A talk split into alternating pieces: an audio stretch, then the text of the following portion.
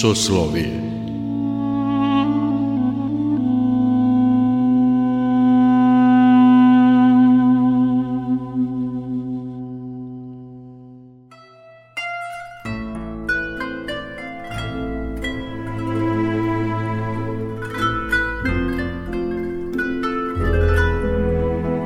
Slušate Soslovije, religijski nedeljnik Radio Novog Sada.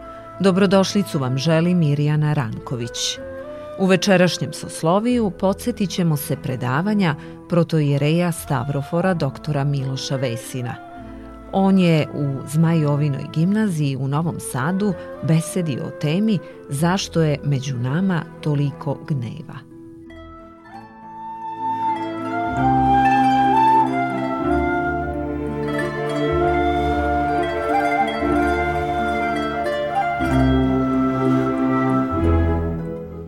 Možda nikada nisam imao lakši, a istovremeno i teži zadatak, nego da odgovorim na pitanje zašto je među nama tako mnogo gneva.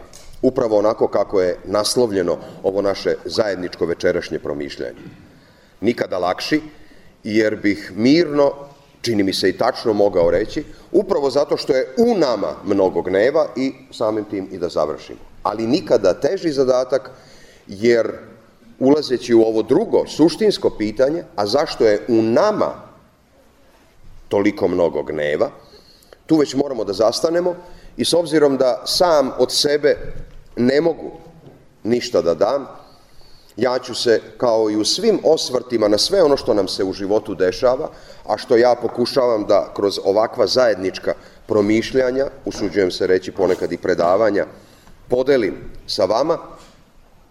Dakle, sve to moram da propustim kroz snop pre svega biblijske, zatim svetootačke svetlosti, ali isto tako da čujemo šta o tome kaže i savremena dubinska psihologija i naravno kakve nam primere sam život daje, a život svakome od nas daje nebrojene primere u kojima smo ne samo posmatrači, nego isto tako i učesnici kada je u pitanju gnev. Mali ili veliki nije važno, ali gnev. Da li ste ikada, dragi moji, razmišljali o tome koliko su značajni, koliko su zaista dubinski složeni, ponekada poučni, srpski toponimi. Kada se krene od manastira Žiče ka Studenici, prođe se kroz jedno mesto koje se zove Polumir.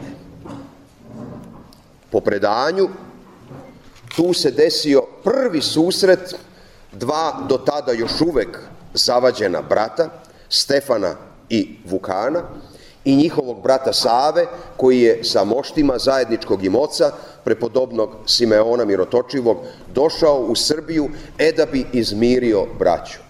I kaže predanje da su se na tome mestu sreli i da je tu, danas bi diplomatskim rečnikom rekli, bio preliminarni dogovor i da je ustanovljen polu mir. Čini mi se, kada se malo bolje, bolje zagledamo i u našu istoriju, a boga mi i u našu sadašnjost, ne samo u prošlost, da mi prosto na neki način bolujemo od usuđujem se reći, nedozvoljene količine upravo tog polumira. Niti je mir, niti je nemir, nego večito lebdimo negde između, u nekim prostorima, u nekim zonama polumira.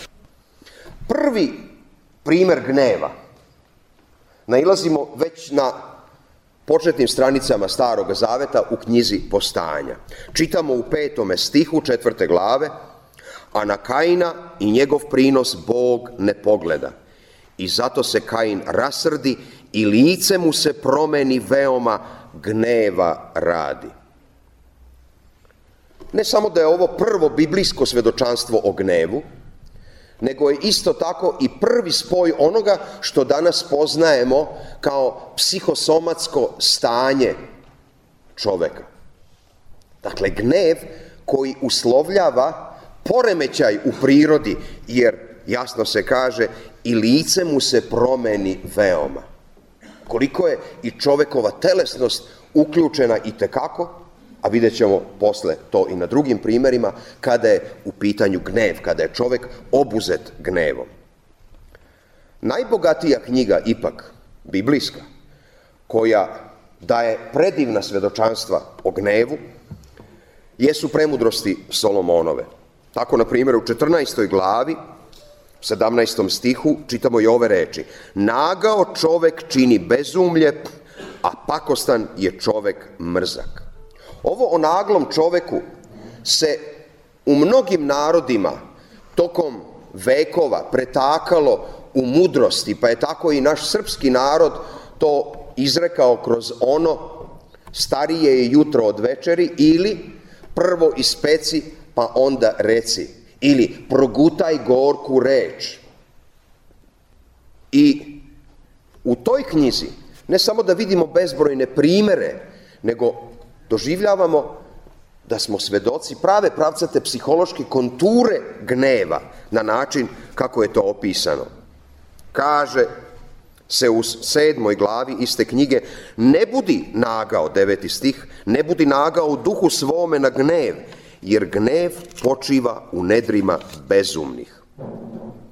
A prorok David u 37. psalmu kaže utišaj gnev i ostavi jarost, nemoj se držati gneva pa da zlo činiš. Znači, jedna veoma precizna linija veza između gneva i zla kao ne samo potencijalne, nego i veoma realne posledice koja može da proizađe iz gneva. U Novom Zavetu niko nije bio toliko jasan kao i po mnogim drugim pitanjima, kao apostol Pavle. U poslanici Efescima, četvrtoj glavi, stih 31. i 32. on kaže svaka gorčina i jarost i gnev i vika i hula sa svakom zlobom neka su daleko od vas a budite među sobom čestiti, milosrdni, praštajući jedan drugom kao što je Bog u Hristu i vama oprostio. Šta mislite, kakva je to bila situacija tada u toj krhkoj hrišćanskoj zajednici u Efesu, kada je apostol Pavle morao iz suženstva tada već da uputi ovakve reči. A interesantno je, boraveći u tom istom gradu, on je uputio najveličanstvenije reči, jer je upravo tamo pisao poslanicu Korinćanima i onaj njen predivni deo, ono bescen blago Biblije, himnu ljubavi. Ako, čoveči, ako jezike čovečije govorim i anđelske, a ljubavju nemam, ništa sam i tako dalje. U poslanici Kološanima pak, isti apostol, u trećoj glavi, u osmome stihu, kaže, a sada odbacite i vi sve ovo, jarost, zloću, huljenje, ružne reči, sve to iz svojih usta. Kao da je apostoli na taj način hteo da ogradi i ovu, ne mnogo snažnu po broju, ali po zanosu i takako veoma dinamičnu zajednicu, crkve u kolosu, da ih ogradi od običaja koji su vladali među onima koji su ih okruživali. A to je bio mnogobožački, to je bio paganski svet, gde su svakako izlivi gneva bili nešto svakodnevno. Neko bi se sada možda upitao, a šta ćemo sa onim momentima iz Novog Zaveta, pogotovo iz Evanđelja, gde se pominje Hristov gnev? Interesantno, mi sebe želimo da poredimo sa Hristom, uglavnom u takvim slučajevima. Pa i Hristo se gnevio, mogu i ja da se gnevim. A nikada nećemo sebe da vidimo kao one koji treba da se ugledaju u Hristu u nečem mnogo, mnogo za nas važnijem i pre svega spasonosnijem. U drugoj glavi Jovanovog evanđelja u 17. stihu kaže se, to je onaj Hristos, Hristov izliv gneva prema trgovcima. Nosite to odavde i ne činite od doma oca moga kuću trgovačku. I setiše se učenici njegovi da je napisano revnost za tvoj dom poješće me. A na drugom pak mestu u Matejevom evanđelju, 23. glava 14. stih, čitamo i Hristov odnos prema farisejima i kako ga je on iskazao. Teško vama, književnici, fariseji, licemeri, što jedete kuće udovičke, a lažno se molite dugo, zato ćete veoma biti osuđeni. Da li je to zaista gnev koji bi mogli, koji bi smeli da, i po, da poistovetimo sa našim svakodnevnim gnevom? Ni u kom slučaju. Zašto? Zato što nismo u stanju da napravimo razliku i da poslušamo savet apostola. Gnevi se, ali ne greši. Kakav bi naš odnos trebalo da bude u svetlosti kako starog, tako i novog zaveta? Iskreno govoreći, našeg gneva ne bi trebalo da bude. Ne bi smeli sebi da ga dozvolimo. Sa čime je gnev sve povezan? Jer gnev nikada ne nastupa samostalno. Tome nas uči Biblija, a to su i svedočanstva, pogotovo savremene, dubinske psihologije. Greh je pre svega povezan sa gordošću. Gordi, obesan čovek je zapravo podsmevač koji sve radi, besni i oholo se ponaša, piše u premudrosti Solomonovima. Gnev, naravno, da nebinovno proističe iz gordosti, jer kakav to ja odnos mogu da imam prema svome bližnjem, odnos koji je ukorenjen u mojoj gordosti. Pa nikakav drugačiji nego odnos podcenjivanja. I onda sebi zapravo prisvajam ulogu koja nije moja, ulogu sudije. I onda Samo da vam kažem koliko je to prisutno svakodnevno među svima nama i što se odražava kroz ono već naše lakonsko. A, on će meni. Znači, ko je on da on meni bilo šta kaže? I tu je zapravo ta trunčica gordosti, ako joj se nestane na put, može da izraste u nešto mnogo, mnogo gore i opasnije, jer će rezultirati na kraju krajeva gnevom. Gnev je povezan i sa okrutnošću. Prosto su veličanstvene reči iz staroga zaveta. Težak je kamen i pesak je težak, ali je gnev bezumnikov teži od obojega. Jarostan je i nemilostivan i gnev je uvek plah. Ali ko će odoleti zavisti? Zavist kao uzrok gneva. I starozavetni pisac se prosto kao u nekoj nemoći svoje pita ko će odoleti zavisti? Setite se samo kako je to izgledalo razarajuće po vas kada ste poslednji put bili obuzeti zavišću ili pak ljubomorom.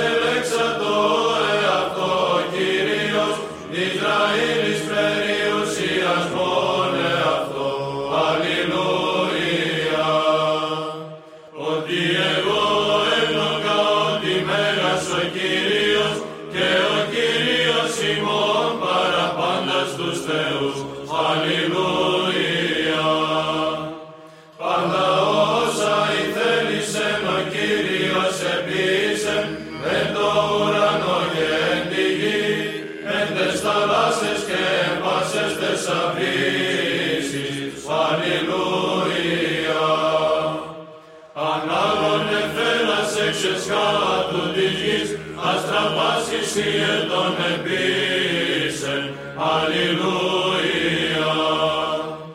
Ο εξάγων ανέμους εκ θησαυρών αυτού, ως επάταξε τα πρωτότοκα Αιγύπτου, από ανθρώπου έως τίμους, Αλληλούια. Εξαπέστειλε σημεία και τέρατα, εμέσως σου Αίγυπτε, εμφαρά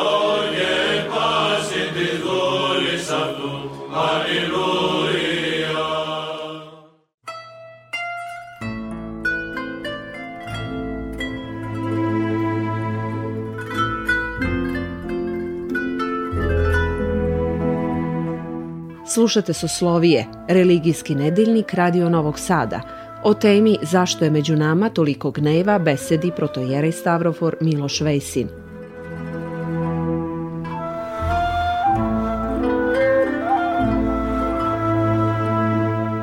Nema ni jednog promišljanja o makojim problemima koji nas se dotiču danas, a da se ne osvrnemo na mudrog i zaista sve što ga čovek više iščitava u pravom smislu hrišćanski orijentisanog, hrišćanski inspirisanog, pravog dubinskog psihologa srpskih naravi, našeg svetog vladike Nikolaja, koji kaže Jedino se, dragi moji, smete ljutiti protiv sebe, nikada protiv drugih. Ljutnja dovodi do gneva, gnev do besa, a ko zna na šta će vas sve ovaj bes navesti.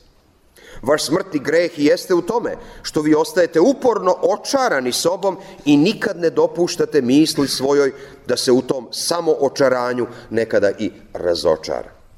Vaš smrtni greh je što ne možete u, sebi da se razo, u sebe da se razočarate i što ne smete u sebe da se razočarate, a razočarenje u sebe to je zapravo posmatranje sebe ili kako oci kažu šibanje sebe dokle ćete šibati druge i pretvarati se da vas boli.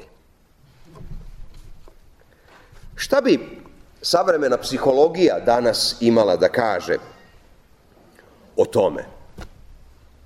Poslednjih 20 godina, naročito na zapadu, pojavili su se ljudi koji su stekli ime upravo zato jer su se bavili psihologijom gneva i istraživajući patologiju gneva, došli do veoma, veoma interesantnih i prosto zapanjujuće podudarnih zaključaka sa božanstvenim pismom. Tako Charles Spielberg, psiholog i psihijatar, istraživač gneva, rekao je Gnev je emotivno stanje koje varira u intenzitetu od blage iritacije nekim ili nečim do besa i razjarenosti, izazvano mahom, gordošću, zavišću i ljubomorom. Na istoj liniji kao i božanstveno pismo. Kao sve druge emocije, i gnev je naravno propraćen i psihološkim i biološkim promenama. I to je poznato. Kada ste gnevni, kada se ljutite, vaš organizam reaguje. Kako? E sada, zavisi od toga kom karakteru pripadate. Kaže naš uvaženi profesor Jerotić da već dva karaktera, onaj u kolerika i onaj u sangvinika, jesu potencijalno karakteri gneva. I ti ljudi bi trebalo dobro da znaju svoju prirodu i da ne puštaju mesta tom gnevu. Šta nas to izaziva? Pa postajemo gnevni, a to onda rezultira veoma, veoma ozbiljnim psihofizičkim poremećajima u nama. Iritiraju nas, pa recimo otvoreno svi. Gužva u gradu, gužva u autobusu, ona situacija kada vam neko sa svoje dve stoji na jednoj nozi. Iritiraju vas, što je i najgore, ali i najčešće, budimo iskreni, i oni naši najbliži. Suprug, supruga, deca. Zato što zapravo iritiramo u takvim situacijama sami sebe, ali nemamo dovoljno snage to da priznamo, nego tu svoju snagu iskaljujemo kroz gnev koji je usmeren uvek prema nekom drugom. Ne znam koji dnevnik obično gledate, prvi, drugi ili treći. Nijedan vas neće ostaviti manje gnevnim s obzirom na ono šta dnevnik kao informativna emisija danas u ovome svetu, pogotovo na ovim prostorima, može da ponudi. Rešenje bi bilo jednostavno ne gledati ga. Međutim, čovek ne može potpuno da se isključi. Ispoljavanje gneva, bez koga mnogi očigledno ne mogu, je u svakom slučaju kod mnogih povezano sa onim urođenim nagonom za agresiju.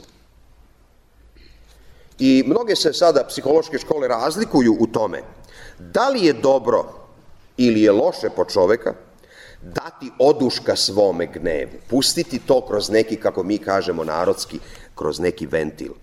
Profesor Defenbachen, istraživač regulacije gneva, Ističe da je takozvana regulacija gneva nešto što zavisi pre svega od temperamenta, upravo ono o čemu govori profesor Jerotić.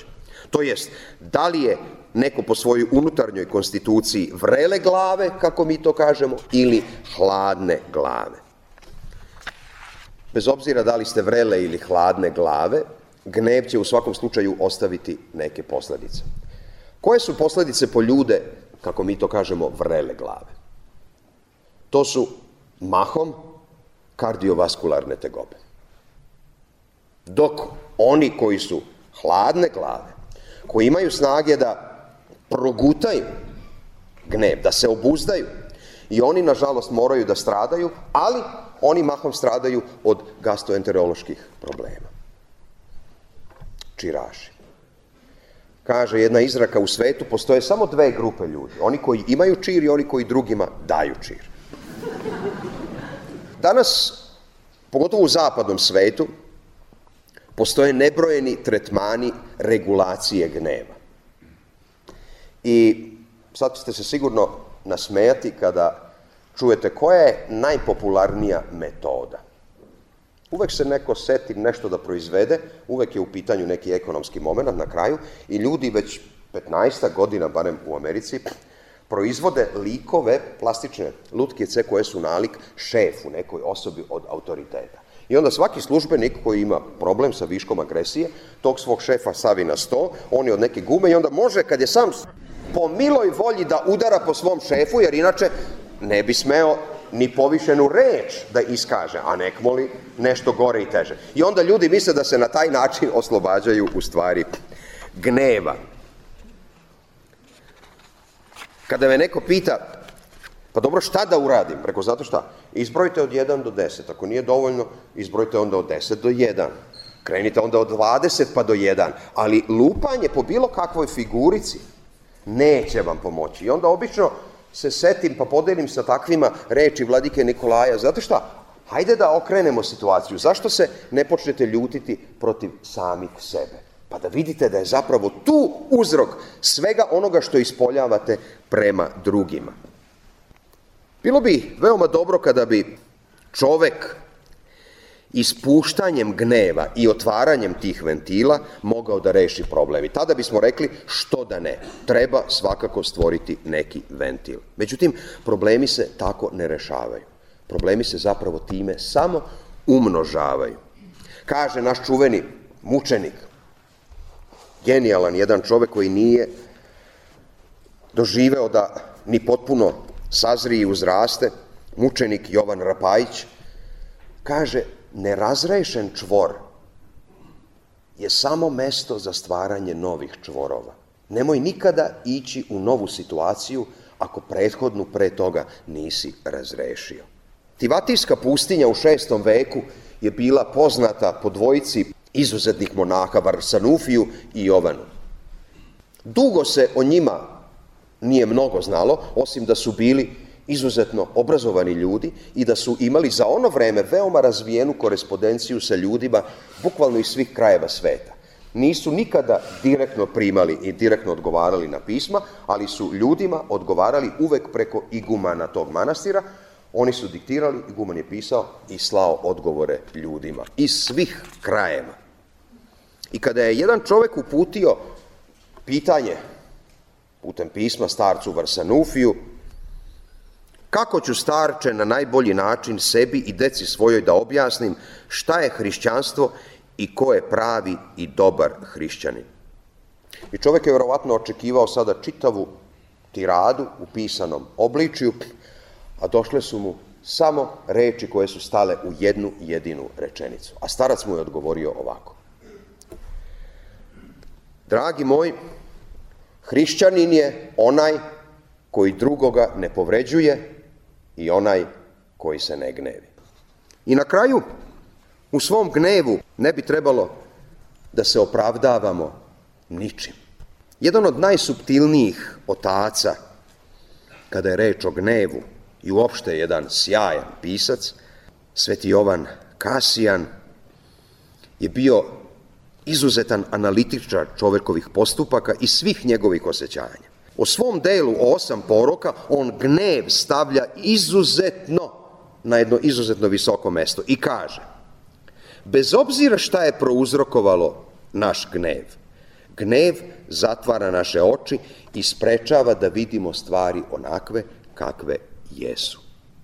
Lišće Bez obzira da li je ono od zlata ili od bakra ili olova, ako se stavi na naše oči, zatvara naš pogled. Naše slepilo, bez obzira da li je pokriveno zlatom ili olovom ili bakrom, jednostavno je slepilo. Snaga naših osjećanja, onih najdubljih, tada se potpuno pomračuje ako dozvolimo da nas obuzme gnev. Zato se kaže, budi ljut, ali ne greši ali ne preporučujem svakome, jer treba znati kada i kako biti ljut. I ono što mogu da vam kažem jeste, vreti se ljutiti jedino i samo na samoga sebe.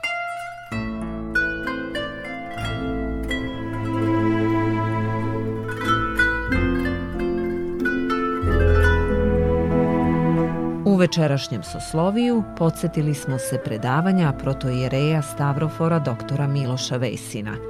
On je besedio o temi zašto je među nama toliko gneva.